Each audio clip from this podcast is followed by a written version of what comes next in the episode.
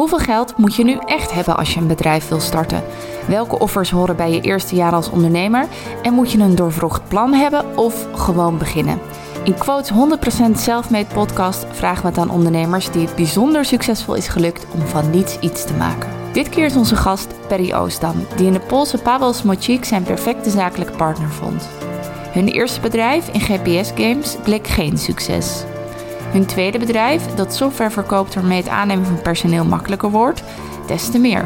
In 2021 wisten ze hun recruitie voor miljoenen te verkopen. In al die jaren trok Oostam hard werken naar het extreme. Netflix heeft hij nog nooit aangezet en een paar weken geleden stond hij pas op zijn eerste festival ooit.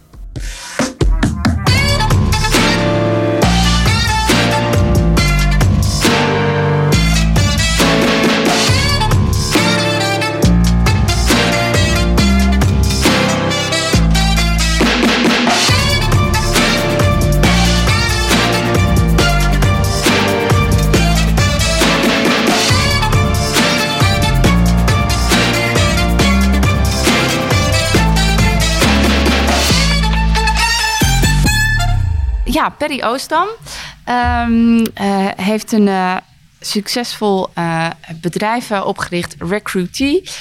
jij zegt zelf altijd, het is een softwarebedrijf, punt. Want als je moet gaan uitleggen wat het echt inhoudt, is het te technisch. Maar goed, het is de software voor het aannemen van personeel, zodat dat proces makkelijker wordt.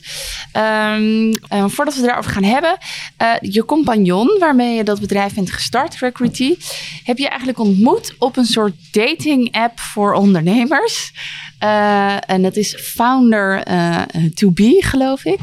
Uh, kun je vertellen welk moment je aan het swipen was? lag je op de bank, in bed? En wat dacht je toen je je compagnon zag? Ja, hallo allemaal. klopt, dat was, ik was aan het studeren in, in Rotterdam, Erasmus Universiteit. En ik, mijn, mijn opa was ondernemer, mijn vader is ondernemer. Dus dat is een beetje keuken, keukentafel ondernemerschap. Dat ik wist echt al jongens ik wil iets voor mezelf doen. Ik ging uh, in Rotterdam entrepreneurship studeren. Nou ja, dat is een beetje raar uit een boek ondernemer leren, maar het was in ieder geval de ambitie. Ik wil ondernemer worden en toch wel een papiertje halen. Dus voor afstuderen had ik eigenlijk zoiets van, ik wil uh, mensen leren kennen en kijken of ik een co-founder kan vinden. Want ik wil echt een IT-bedrijf starten.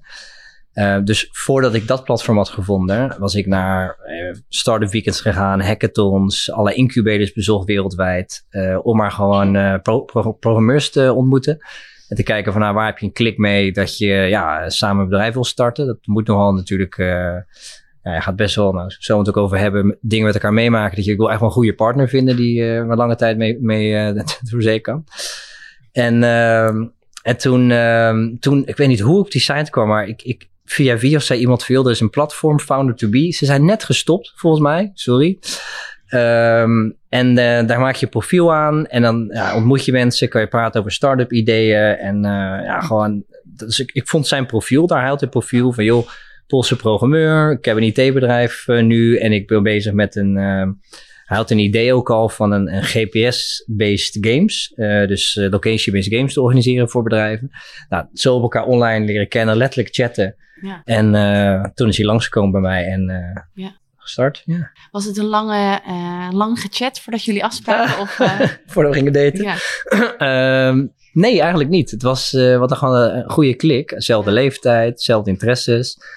Um, dus dat ging eigenlijk wel snel. En hij is letterlijk toen, de dag daarna, hij is in de auto gestapt, vanuit Polen naar, uh, naar Nederland gereden. Ja. En toen twee nachten bij mij gebleven om, om gewoon te praten over wat, wat betekent een bedrijf voor je, weet je, ja. voor je leven echt. Ja.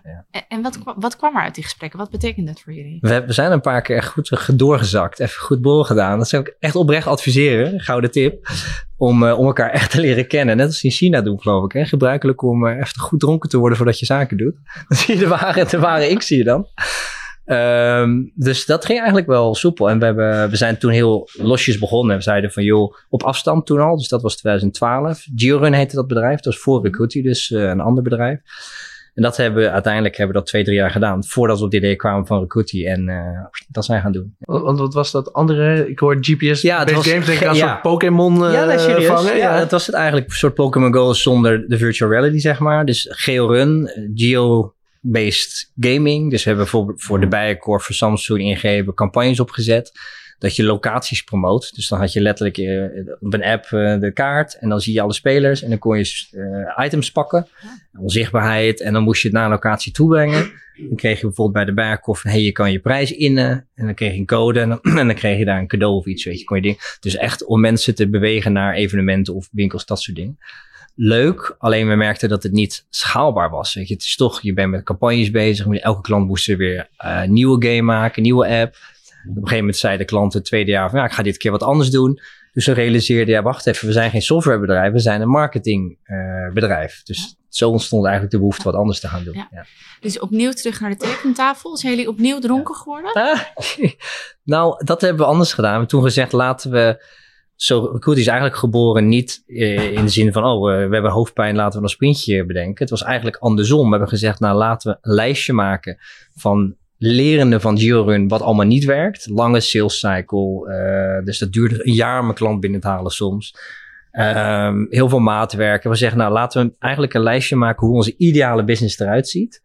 Dus het moet internationaal kunnen. Het moet heel erg ja, product-led, inbound. Voor eh, degene die het kennen, heel erg gedreven op uh, makkelijk te adopteren. Net als dat je online iets probeert. Credit card go. Dus wat een soortement van een ideale blueprint bedacht. En toen zijn we allerlei concepten gaan bekijken wat aan die lijst voldoet. Dus zo kwamen we eigenlijk op uh, recruitment software uiteindelijk. Nog even voordat we doorgaan op dat bedrijf. Uh, in sommige uh, relaties uh, knappen onder die druk natuurlijk. bij dat eerste bedrijf, dat jullie erachter kwamen, oh, dit werkt toch niet helemaal. Waarom dacht je, hey, ik moet misschien, waarom dacht je, we moeten een nieuw bedrijf? En niet, ik moet een nieuwe compagnon. Zo, ja. Nee, we hebben altijd gewoon echt, ondanks dat we niet samen op in, in één kantoor werken, want hij is altijd in Poznan gebleven en ik in Amsterdam. Hij heeft altijd gewoon de, heel complementair aan elkaar de techkant opgepakt en ik dan de, de support, de commercie, dat soort dingen opgepakt. Maar dat is altijd, ook omdat je dezelfde fases hebt in je leven, dezelfde interesses, is, is dat echt gewoon uh, wonderbaarlijk goed gegaan, gelukkig altijd. En ook nu na uh, recruiting, terwijl het niet meer hoeft, doen nog steeds veel dingen samen. Ja. We gaan ook samen skiën, kinderen spelen met elkaar, dat soort dingen. Ja, um, goed, uh, uh, recruitie. Jullie merkten, oh ja, dat aannemen van mensen, dat is uh, spannend, stroperig. dat gaan we verbeteren. Dat is ja. de hoofdpijn waar we een aspirintje voor gaan bedenken. Wat waren jullie allereerste stappen? Ja, klopt. We hadden toen, toen we die lijst hadden en toen waren we zelf mensen aan het aannemen voor jury. toen hadden ze iets van, wow, wat is dit een moeilijk proces. Uh, heel administratief, een beetje eng ook als voor de eerste keer doet. En ik denk juist vanuit die gaming achtergrond, games is, draait om hoe krijg je mensen zo makkelijk mogelijk erin en zo moeilijk mogelijk eruit natuurlijk. Als je die gedachte op software toepast, ja, dat, dat was er niet in recruitment software. Het was echt andersom. Heel moeilijk om, om, om te adopteren en te begrijpen vaak ook echt monsters van software. Dat je denkt van, recruiters vonden het gewoon niet prettig om mee te werken. We hebben gewoon service gezien. Dat heet dan een ATS in, in termen, dus Applicant Tracking Systems. Dat, uh, dat krijgt gewoon echt uh, negatieve scores. Van we gebruiken het liever niet, maar ja, het moet nou eenmaal. Um, en ze daar zagen van, hé, hey, wacht even, als we naar die gaming gedachten toepassen en dat heel intuïtief maken, app erbij, gewoon modern zoals we vandaag ook zelf werken op afstand. Nou, daar zagen we een soort van uh, gat wat er niet was. En uh, zo zijn we dat gewoon kleinschalig begonnen. Ja. En uh, vraag iedere ondernemer ook, met welke uh, middelen zijn jullie gestart? Wat, wat was het saldo eigenlijk ja. waarmee jullie aan de slag gingen? Nou, ik had, ik had bijna niks, want ik was in Rotterdam gestudeerd. Tijdens mijn studie altijd wat bijbaantjes gehad en gewoon wat gespaard voor als ik ooit mijn eigen bedrijf zou beginnen. Dus ik had 3.000, 4.000 euro gespaard. En toen met hem een deal gemaakt, gezegd van, joh, anders ontwikkel jij de software en dan geef een half jaar om te laten zien dat ik dan de commercie kan doen en marketing kan doen. En dan mag jij een keuze maken een half jaar. Of we gaan samen door, door een BV, wil ik alles 50-50 doen eerlijk. Dan breng ik die 3.000, 4.000 euro in, dan breng jij de software in. En dan kunnen we op die manier alles 50-50 doen. En als je dat niet wil, no hard feelings, dan ga jij gewoon door. Jij bent ontwikkelaar. Uh, dan, weet je, dan is het jouw, uh, jouw ding. Dus zo hebben we uiteindelijk uh, met dat, dat kapitaal begonnen, zeg maar. Ja, uh, overzichtelijk. Um, uh, waarom waren er niet meer partijen die jullie het aanpakten zoals jullie? Wat we niet wisten is dat het, zoals je noemt, een red ocean is. Heel druk en echt, wel echt slecht marktonderzoek gedaan. We zagen drie, vier partijen en we dachten, oh nou, dat kunnen we beter. Bleken er gewoon honderden te zijn wereldwijd. Het is één, als je naar vergelijkingssite gaat voor software, bijvoorbeeld voor sales CRM's of dat soort dingen, en dan deze categorie bekijkt, nou, het is echt de langste categorie die er is. Er zijn lekker honderden software. Alleen ja, van die honderd, er zijn er misschien een stuk of acht die het gewoon echt goed doen. En al die acht concurrenten, die hebben echt tegen de 100 miljoen funding opgehaald. Dus we hebben altijd met grote jongens te maken gehad. Wat het lastig maakte om bijvoorbeeld marketingbudget te spenderen op Google of op bepaalde salescampagnes te doen. Want zij hadden altijd meer geld.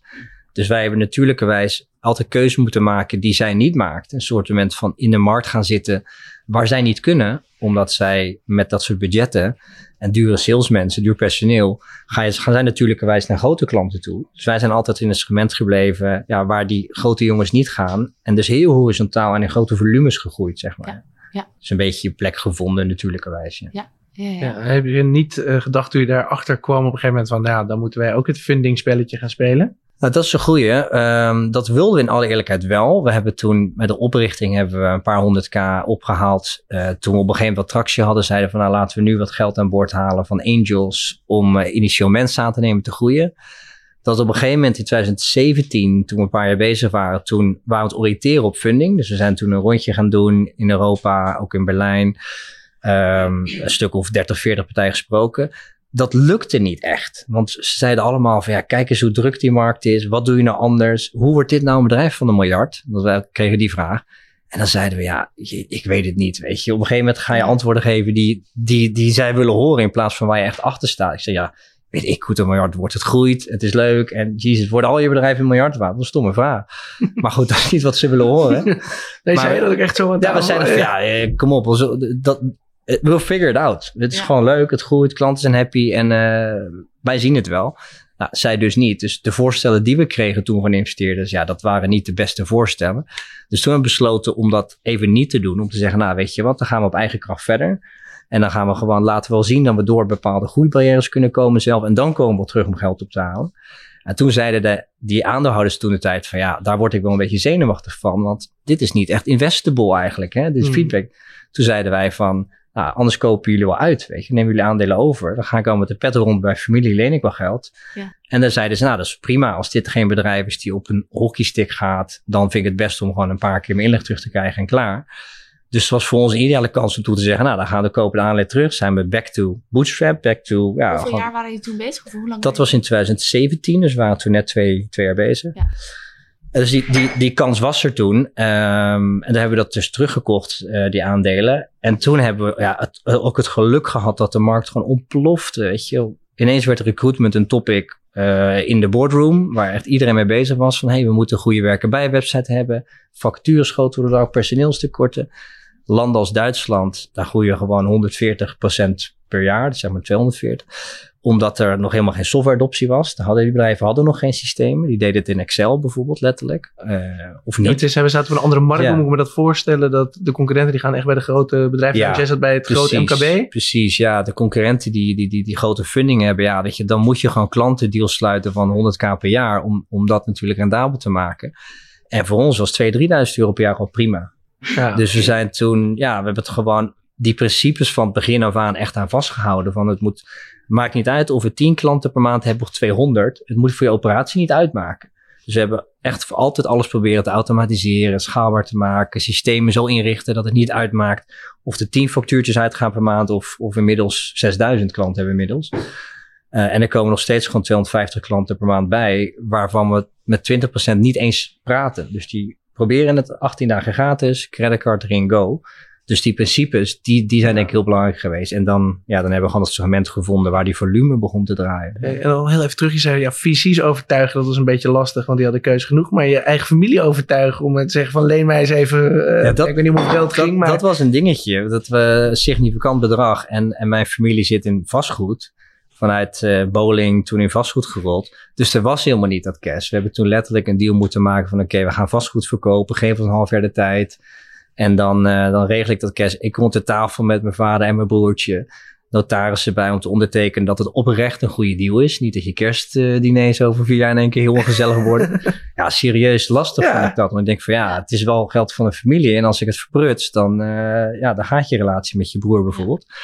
Dus ik wilde het eigenlijk niet. Uh, ik vond het best wel moeilijk om te Toen zei mijn vader van joh, zet die ego aan de kant, doen is zo stom. Mijn vader heeft me ook geholpen. Die heeft me toen een miljoen gulden nog geleend om de bowling te beginnen. Ja, dat is toen de tijd mega veel geld, dus 30 jaar geleden, of iets meer zelfs. En dus hij zei, ik had ook een kruiwagen, doe het nou. Je bent stom als je het niet doet, weet je. Maar toen hebben we echt wel door twee accountants laten ondertekenen. Dit is oprecht, objectief gezien, een goede deal om te doen. Omdat ik echt die relatie met mijn broertje belangrijk vond. Ja, precies. En uh, met je co-founder moest hij ook, uh, had je ook een deal dat hij bij zijn familie langs moest? Of? Nou ja, hij heeft, hij heeft, zijn, zijn ouders hebben ook wat geholpen, ja. ja. Zijn vader had ook wel her en der wat vastgoed. En uh, toen in elkaar met elkaar een potje gemaakt. Ja. Dus dan is het wel ja, ja. spannend om twee families tevreden te dat houden. Was, dus, dat, wat begon met het idee van we gaan naar, naar investeerders geld ophalen, eindigde dus 180 graden anders met we gaan investeerders uitkopen. Ja, ja. leuk avontuur. Heeft die druk van uh, geld van de familie dat je dan uh, gebruikt, leent, heeft die druk je prestaties uh, verbeterd, verslechterd of heeft het helemaal geen invloed gehad? Nee, ik denk, ik denk geen invloed. Ik denk nee. dat je oprecht dat gewoon even afsluit met oké, okay, laat een ja. stukje emotie erbuiten. We gaan door als altijd. En wij zijn altijd gewoon op, obsessief bezig geweest met het bedrijf. Tegen het ongezonde aan toe. Met, ik was dat helemaal vergeten. Maar laatst zei mijn, mijn medeoprichter zei van... Weet je nog dat we met slaapritmes aan het experimenteren waren? Dan hadden we studies gevonden dat ze in het leger... Uh, vier keer een half uur kunnen slapen. Zodat je als je met teams vooruit moet... dat continu het ene team loopt en dan het andere slaapt. En dan, dus we waren aan het doen, dat was ik helemaal vergeten. Zaten gewoon twee, drie uur slaap per dag. En dan gewoon de hele dag doortrekken. Welke offers heb je nog meer gebracht? Ja, ik denk je sociale leven, weet je, vrienden tijdens de studietijd die je gewoon weinig ziet. En die gaan allemaal lekker, uh, die settelen en die hebben een uh, vakanties en, en, festivals en zo. Ik ben drie maanden geleden voor het eerst in mijn leven naar een festival geweest. Ik denk, oh wow, dat heb ik dus 15 jaar gemist. Cool. Vorig jaar voor het eerst geskiet. Dat je denkt, wow. Ja. Dus je, we zijn er gewoon nooit mee bezig geweest. Je bent gewoon uh, zo bezig met, joh, ik, ik, wil het bedrijf bouwen, dat je gewoon heel veel dingen even links laat liggen. Ja. Ja. Uh, uh, Pavle Beselic, die was hier eerder. Die zei, ondernemen is ook pijn lijden. en dat moet je, daar moet je doorheen. Hm. Als je dan zegt, want je hebt het over focus. Je was alleen maar gefocust op het bedrijf. Heeft het voor jou gevoeld als pijn lijden? Of was dat ook heel veel plezier wat erin zat? Ja, het klinkt niet zo leuk, maar ik weet nog wel, iemand zei ooit tegen me, die heeft ook een eigen bedrijf, een recruiter. En die zei van, joh, ondernemen voelt een beetje als een, als een brandweerman. Je gaat van brandje naar brandje en elke keer als je een brandje blust, dan groeit het bedrijf weer harder door. Dus het is eigenlijk de hoeveelheid problemen die je weet op te lossen bepaalt de groei van je bedrijf. Dat is eigenlijk wel zo. Dat dat wel zo is. Dat het gaat nooit het, je moet echt voor de tijd nemen om terug te kijken en te denken: wow, wat hebben we dit jaar veel bereikt. Laten we even met elkaar het vieren. Want dat vergeet je te doen, omdat je alleen maar in, in die problem-solving modus zit. Ja. Dus ik denk ja, dat dat wel zo is. Ja, dat, dat voelt wel zo. Dat je gewoon van, ja, ja. er gebeurt van alles. Je bent komt brandweerman aan het spelen. Wat waren de eerste momenten dat je uh, dacht oh ja, dit gaat lukken. Ik ga mijn familie terug kunnen betalen, hij ook. En we gaan, ja. het is een goede... Ik weet nog dat we door een soort 1 miljoen ARR, dus dat is een 1 miljoen terugkerende jaaromzet, uh, aan, aan, aan plannen gingen. En toen dacht ik wel, wow, dat is wel echt serieus, dit, dit begint. En dat is het mooie van SaaS, van software, dat begint dan te compounden. Want die klanten heb je, volgende maand weer nieuwe erbij. En die klanten kochten ook nog eens meer. Dus het begint dan echt een soort van exponentieel te groeien. Dus dat, dat was een mijlpaal. Ik dacht van wow, dit begint wel uh, serieus volumes te krijgen. En als je dan door bepaalde, de 50 man personeel, weet je dan, en dan komt er een tweede laag. Dus dan weet je, ik ben niet meer afhankelijk van die ene salespersoon. Als hij ziek wordt, dan is, is de collega is er, uh, is er bijvoorbeeld. Dus dan, dan begint het wat, uh, ja. Solide. Solider, ontspannender zou ik niet willen zeggen. Maar iets is, de onzekerheid is een beetje weg, ja.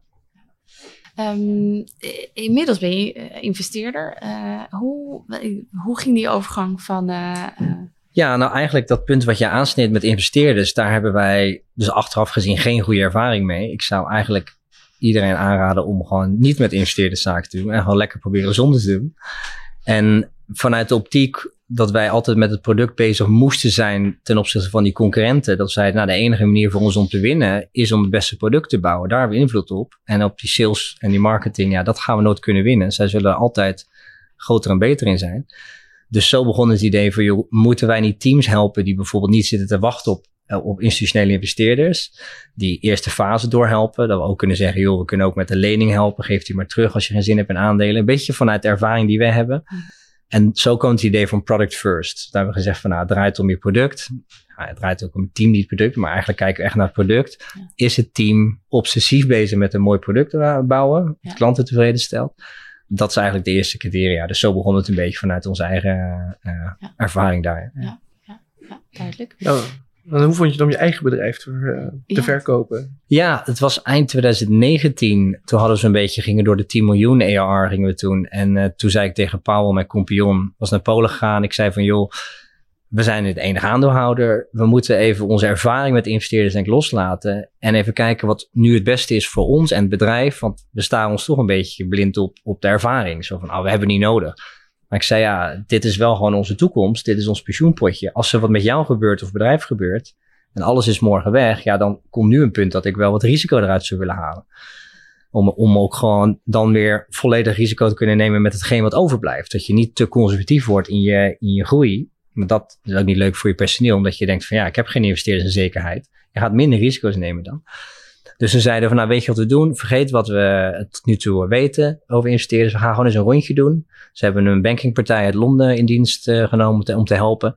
En toen zijn we gewoon naar strategen gegaan, private equity, VC's. Gewoon met iedereen gaan praten. Zonder agenda. Gewoon wil laten eens kennis maken. Hoe ziet een deal met jullie eruit? Is het minderheid? Is het meerderheid? Wat is onze rol? Om een gevoel te krijgen, is dit, is dit nu de juiste tijd en wat betekent dat? En toen zeiden we, nou eigenlijk zijn twee dingen belangrijk. Uh, het financiële plaatje, daar zorgt die bankingpartij wel voor. Dat kunnen zij beter als wij. Laten wij kijken of het leuk is om met die mensen zaken te doen. Want je gaat met elkaar een avontuur aan weer de komende vier, vijf jaar. En product. Eh, is het product hier op zijn beste plek? En dus ook de mensen. Hè? Wat betekent dit voor de carrière van ons team?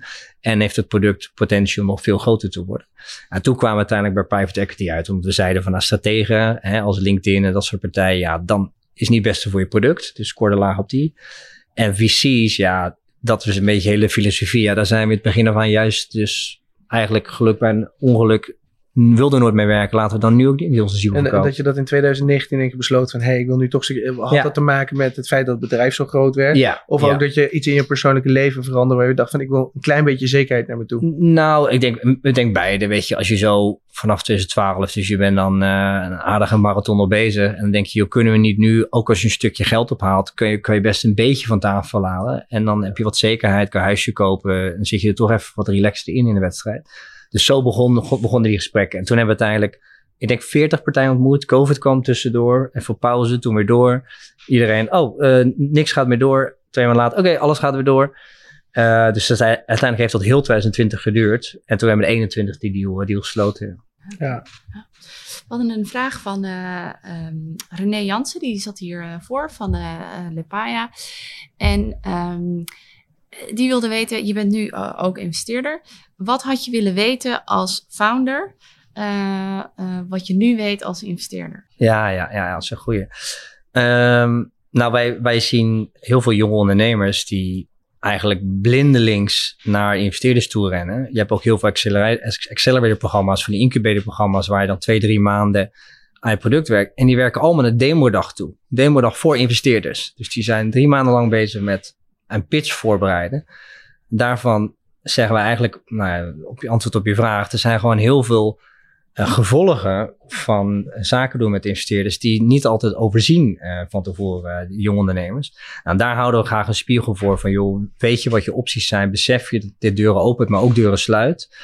Dus ik weet nu dat uh, ja, daar kunnen gewoon gevolgen aan zitten waar je dan als ondernemer uh, misschien helemaal niet blij mee bent. Wat voor gevolgen? Kun je er een paar noemen? Nou, een voorbeeld wat ik letterlijk een maand geleden zag. Nu we bij Talent heet onze groep en we doen ook acquisities. Dus we hebben bijvoorbeeld nu twee bedrijven overgenomen. En we kijken wel eens naar bedrijven waar dan dus venture geld in zit.